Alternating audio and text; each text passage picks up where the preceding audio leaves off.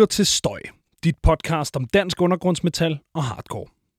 I det her afsnit stikker vi hovedet ikke kun ud af undergrunden, men også ud af Danmark. Jeg har nemlig haft fornøjelsen af at mødes med en af mine personlige yndlings hardcore bands, Knocked Loose. Jeg mødtes med Brian Garris, forsanger i Knocked Loose på Copenhagen 2022, kort efter deres koncert på Pandemonium-scenen, til en snak om international hardcore og den vækst, som scenen har set de sidste par år, og selvfølgelig også deres koncept-EP fra sidste år, A Tear in the Fabric of Life. Mit navn er Benjamin Clemens. Velkommen til. Nu har jeg altså øh, den udsøgte fornøjelse, det er at øh, sidde i et meget, meget fornemt selskab. Jeg har nemlig fået øh, besøg her af Brian Garris fra Knock Loose, and uh, thank you so much for taking the time to meet with me. It's uh, it's great to have you on the show. Yeah, thank you. Thanks for having me. Um, how have you found the the Copenhagen Festival so far? Oh, it's great. Um, we're blessed with uh, good weather. It's like Yeah. beautiful outside. It's like 70 degrees maybe. Um, our set was awesome. We just played about an hour ago, I guess. You never really know what to expect with festivals like this when you got a headliner like Kiss or Judas Priest. Like, No. how many people are actually here to see us? But our crowd was way bigger than I would could have asked for, and yeah, the energy was great. It's good to be back. I was amazed that you guys actually had, because you know, the metal scene here in Denmark is so small that like all the genres just get sort of mashed together. And when you go to hardcore shows, you don't always get like the hardcore people. And I was amazed that you actually had people spin kicking and two stepping in the crowd. It was great. Yeah. yeah, Like I said, you never really know what to expect with festivals like this, but um, I think with all things considered, it was awesome. Nice. Are there any other bands that you're excited to see while you're here, or I'm really excited to see Judas Priest. Yeah. Yeah. So like, I think that they start here soon. Whenever this is done, I'm gonna run over there and Yeah. catch the tail end of them. yeah? Uh, I noticed that we just talked about this really quickly, but you're playing in Seattle tomorrow night already. How in the hell are you gonna survive that show? There's like a what 14 hour flight? No, we play. Uh, we play Hellfest. Oh, next. okay. Yeah. So I must have gotten some dates mixed up then. Yeah. So tomorrow's a day off. We actually fly to France. Okay, nice. and then we drive to I don't I'm gonna say it wrong, but Clisson or Clisson, wherever Hellfest is, and we play Hellfest the next day on Saturday. nice. Is uh, Seattle There, would be crazy. Yeah. I'm glad that that's not the itinerary. no, because I, I I thought that's what I saw, and I was like, that's the craziest tour scheduling I've ever seen. What's, Yeah. what is the craziest tour scheduling that you've been through with with Knocked Loose? we like to we like to do as much as we can. So there's there's been some things in the past. There's like so many that I can think of, but like one time we played in two different states in the same day. Okay. So we played a festival in California at two o'clock, and then we um, we got done around two forty-five. We were in the van by three o'clock, and we drove all the way to Vegas and played a show that night. So that's like a four-hour drive. Yeah. Um, it was basically just stage to stage. Yeah. Uh, didn't have enough time to stop and eat or anything. Um, and we're actually doing that on this tour, but with two different festivals in two different countries. So we're one upping Okay. it. Yeah. So we're opening In the up- same day. Yeah. So we're opening up a festival. Uh, I forget which one it, it is, but we're playing in the morning, and then we're immediately driving to play Ypres Festival later on the same night. Yeah. Rough. I like I like doing stuff like that. That's like the stuff that you uh that you remember the most, you know? yeah. Yeah, and also that's like the stories that you would read as a kid, going like, "Oh, that must be awesome." Yeah. They sleep on the bus. Exactly. we've done we've done one time we we did a tour in Europe for like 6 weeks. Yeah. And then we flew home immediate like went to our house changed our clothes, got back in the van and drove to Ohio to start a tour in America. So we I remember uh before the set we were all huddled together and I was like, "Hey, um if we mess up, it's okay because we were in Switzerland yesterday. yeah. So Yeah. it was like back to back. You're like excused. Yeah, yeah. But that's that's the sort of thing that's only possible if you like know that you don't drink. You don't like you just Oh yeah, Yeah, that drink- definitely helps it. drink water and sleep. Yeah, exactly. Uh, I usually start out uh, on the show by by asking my guest uh, how the hardcore scene is looking in their home hometown. So so how's the scene in in, uh, in Oldham County doing? It's great. We we can we technically consider like Louisville to be like our home scene because that's like the city, and Yeah. Oldham County is kind of just like a little pocket on the outskirts. but um, the Louisville scene is is doing great. Um, we it ebbs and flows, you know. Like sometimes it's better than others. Right now, I would say that it's doing really well because we have a lot of. Right now, we have a lot of bands touring from Louisville more than normally. Um, I feel like usually you've got like one or two that tour pretty consistently, but right now I feel like I feel like just right now there's like four different bands from home that are all on their own tours, which is crazy. And um, yeah, we got a, a new venue for all ages shows. That's really awesome. I got to go to one not that long ago, and In Louisville. yeah, Yeah. um, I got to see that like Terror, Pain of Truth, Kublai Khan tour that came through, and Nice. um, it's cool. It's been a it's been a long time since we've had an all ages venue that had like a stage because usually it's just flat ground shows. Yeah. So it's cool to see like stage dives and stuff in Louisville. But yeah, it's great. Things are going great right now. Did, and was there like a, a big hardcore scene for you growing up in Kentucky? Uh, I feel like it's pretty small in the grand scheme of things, um, just because it is Kentucky, you know, so you're kind of in the middle of nowhere, and um, but it's very close knit. So growing up, I feel like the people that you meet when you start going are the same people that are still around, just because like it's so small uh, that there's there's not really an opportunity for you to not know everybody No. um, which I think is really important. And I think that we kind of took that attitude moving forward when we started to get the opportunity to play bigger scenes. We kind of had that like small scene mentality where we kind of just had to work a little bit harder. Which is which is also like a, a great mentality to go in into things with.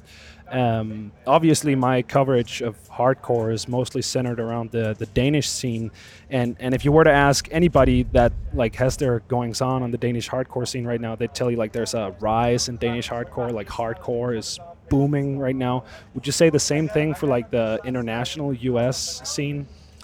Yeah, definitely. You know, I feel like it gets bigger and bigger every year. There's there's always like a couple breakout bands that kind of raise the bar, whereas like growing up, I feel like the bar for for hardcore was like pretty low. You know Yeah. what I mean? And and now like you have bands like Turnstile that are just taking it to new lengths and like they're on TV. You Yeah. know, so like that that just kind of like paves the way for other hardcore bands. It gives new hardcore bands new goals. You know what I mean? Because Yeah. you don't start I didn't start a band to be on TV. But seeing a band make that possible means that there might be a young kid that's like, I want to start a band, I want to be on TV. Yeah, Um, so yeah, there there's a bunch of bands like that that are just getting like, I think like uh, Scowl is on tour with uh, Limp Bizkit. You Yeah. know what I mean? They played Madison Square Garden the other day. Like hardcore bands don't play Madison Square Garden.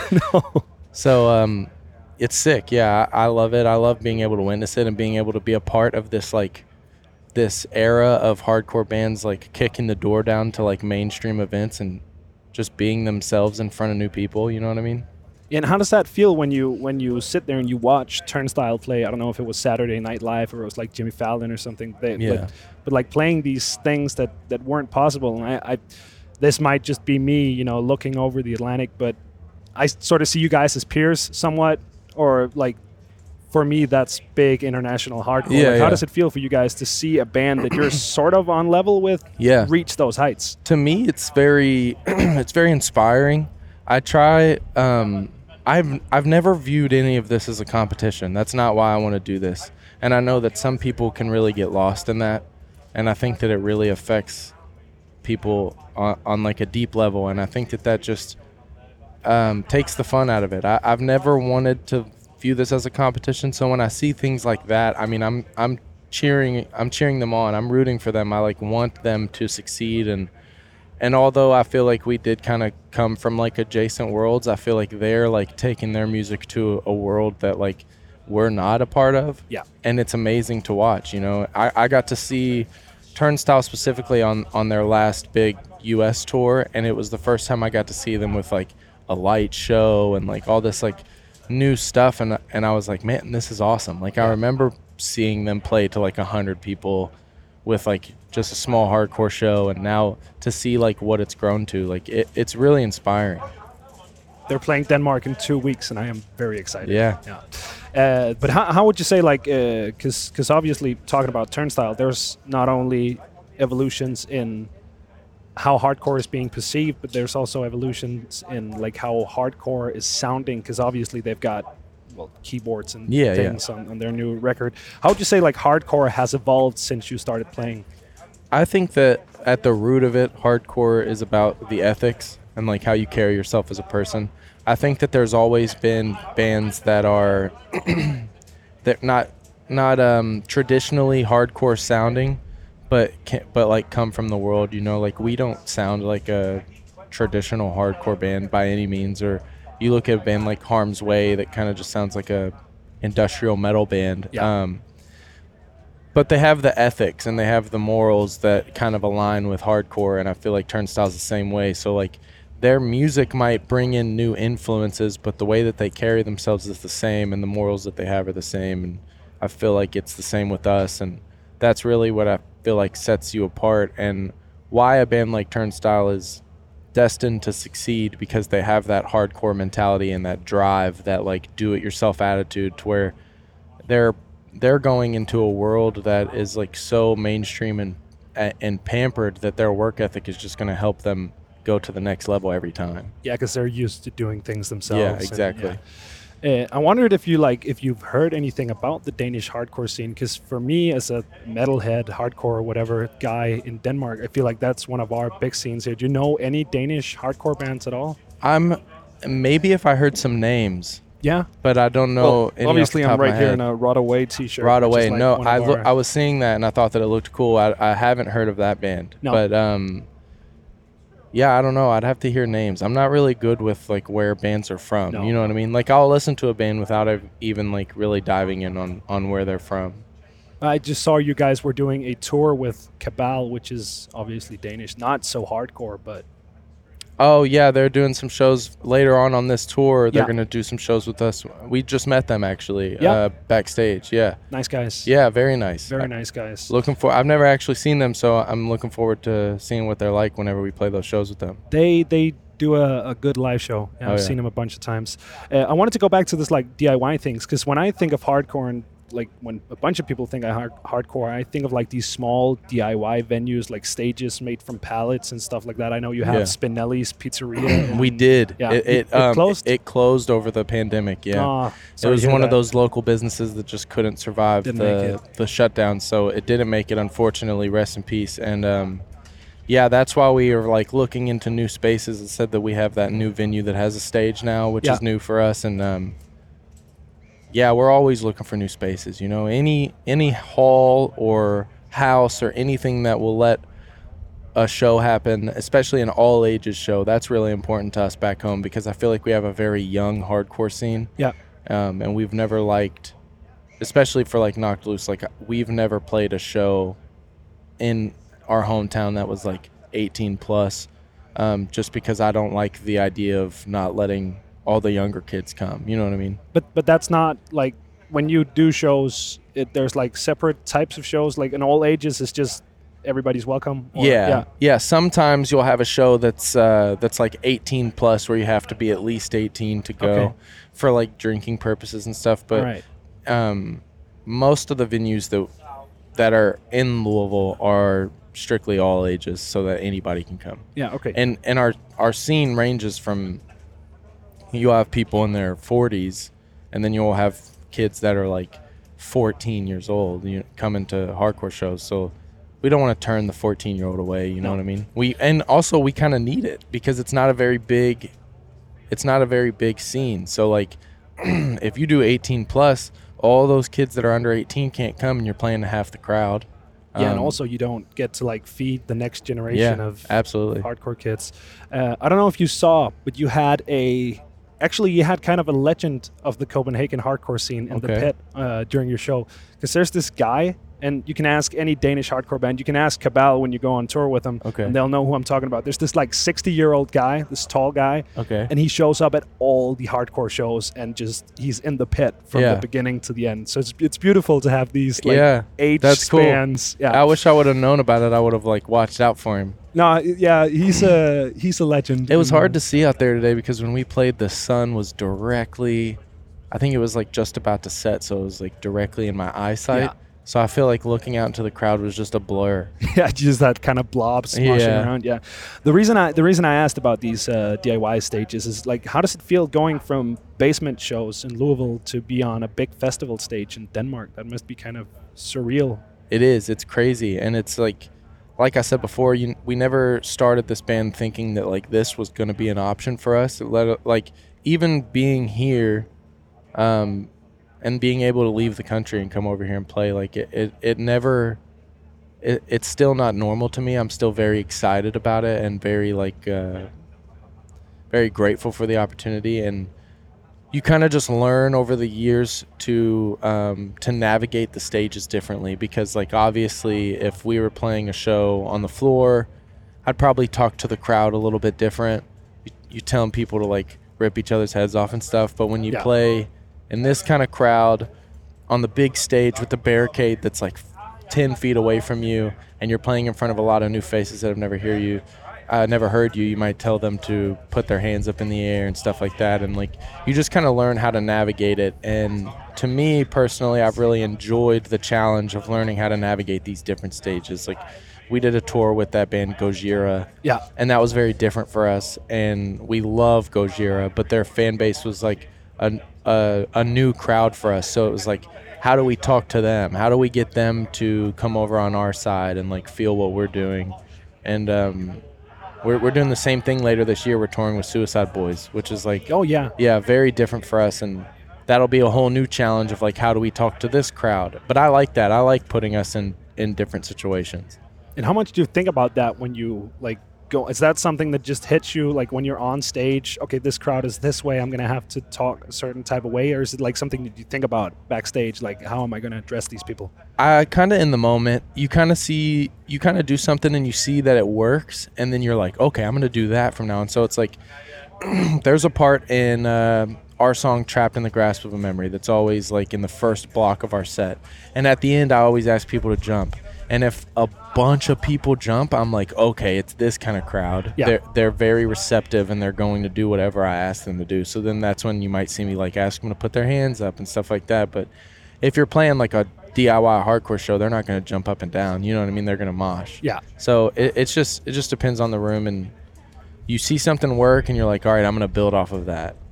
Is there a type of scene that you prefer, like the big festival show or the small hardcore show? Or I don't really like comparing it because they're so different. Uh, I like we're a band that that always kind of bounces back and forth. We did a tour in the U.S. just not just a couple months ago. That was the biggest tour we've ever done, and um, we were playing mostly barricade shows like every single night. But but right before that, we did a tour where we like did small rooms on purpose.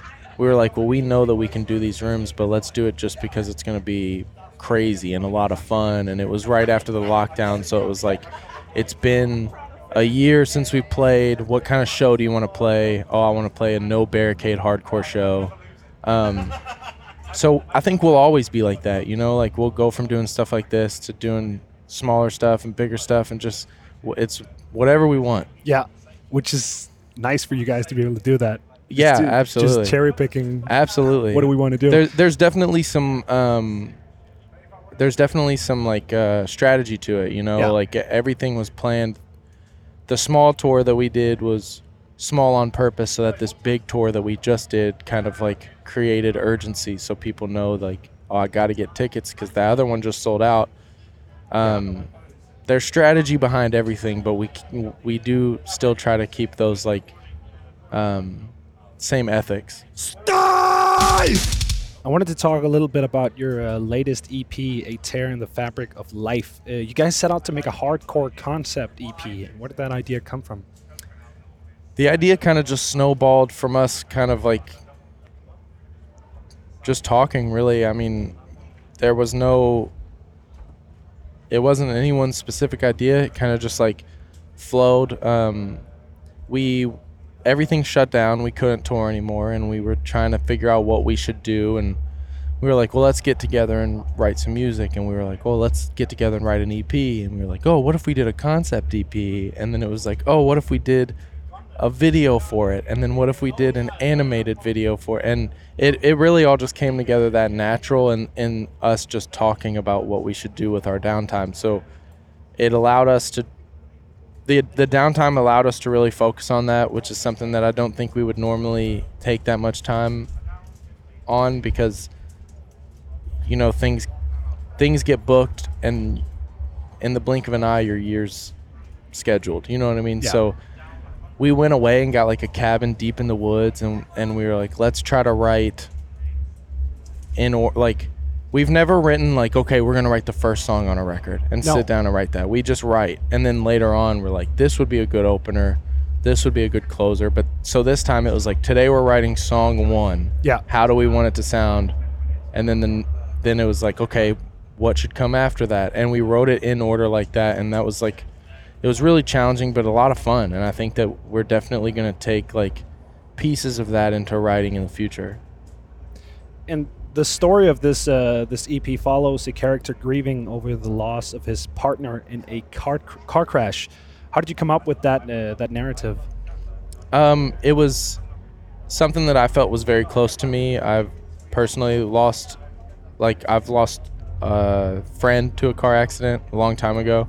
Um, something that I've grieved myself, and I wanted the story to be relatable.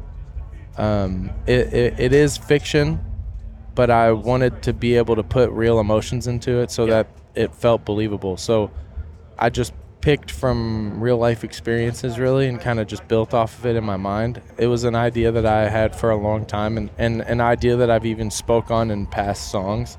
But this was just a, an opportunity to like really dive in on the concept. How much and how little did you put of yourselves into the the narrative? There's a ton of myself in there uh, throughout the entire thing. I feel like that's the only way that I could write it because I've never written in that context. I've never tried to like write a story. Um, and I went into it thinking that it was going to be a story, but then naturally my own personality came out in in the story and I think that that's the only way that it could have worked. And and you talked about having this uh, sort of uh, idea of doing the the short film with it from the get go. Yeah. So so how did you approach writing lyrics that also had to be sort of a cohesive story that could translate well into an animated short film or Um, that was also challenging, but what we did is we kind of just mapped out the entire story timeline um, as a band, which is something we've never done because usually they just let me handle the lyrics and and I wrote all the lyrics, but we sat down as a band and was like, how should this story go?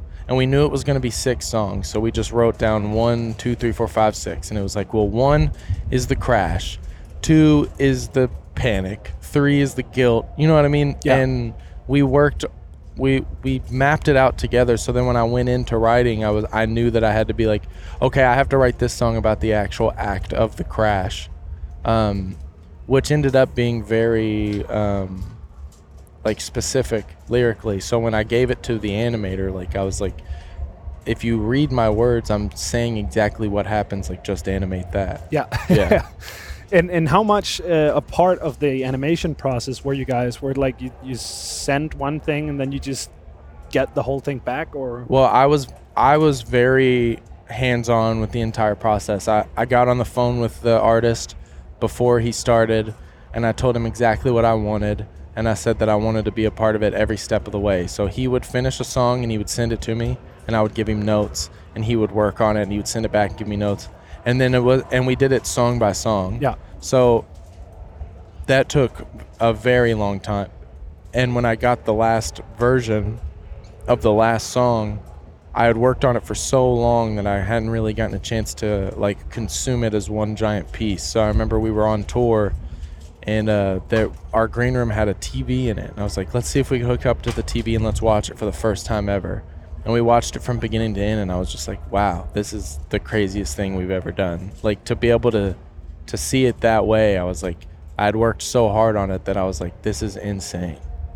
I you guys should do like uh, action figures of the like the main character from the short film. we've talked like about that. Figures. We've we've definitely talked about that. There's still a lot of really cool stuff that I want to do with it before it gets too late. Um, I, I collect a lot of like action figures and stuff like that, Yeah. so I definitely we've talked about that for sure. You chose to drop it out of nowhere with no like SoMe hype, no press tour, no nothing. Just what made you want to release it like that? Honestly, there's a lot of rappers that do stuff like that. Yeah. like I know Drake has done it, Beyonce's done it. Like you're just on Twitter and you see people tweet like Drake dropped an entire album today and then you go to Apple Music and it's there. So like I wanted to do that. Yeah. I wanted to just like surprise people and everything always gets leaked, you know. So I didn't want to run the risk of like sending it to a bunch of publications and somebody leaking it somewhere. So we were just like, let's just drop it all at once. Yeah. Giant surprise. And then that's the best way, in my opinion, for people to have consumed the video as well. Yeah, and it worked out. Yeah. I because I, saw the articles and I was like, oh shit, a short film. And Yeah. yeah. So it, I mean, sometimes I feel like even the records that get dropped with just surprise gets more hype because it's like the Yeah. the whole surprise thing kind of works. Yeah. yeah, when you do an entire rollout, you got to hope that like they're still interested by the next announcement and it's just like announce announce announce. But like I feel like nowadays with the with the way that the internet works, everybody just wants their media as soon as they can get it. Yeah. Yeah. Well, Bryan, it's been a pleasure talking to you, but I don't want to take up any more of your time. Yeah, so well, thank uh, you you get to go enjoy uh, Judas Priest now. Yeah, absolutely. Thank and, you. Uh, and thank you. Thank you. yeah.